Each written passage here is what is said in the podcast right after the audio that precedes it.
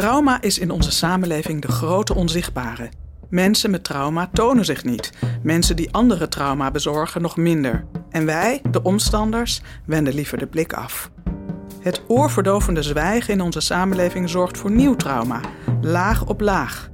Hoe doorbreken we het zwijgen en verzamelen we de moed om te leren begrijpen wat trauma is en wat het met mensen doet? In deze serie praat ik met deskundigen uit verschillende disciplines over hoe we met een meer traumasensitieve benadering en omgang met elkaar een verdere stapeling van trauma kunnen voorkomen. Welkom bij Traumastapeling.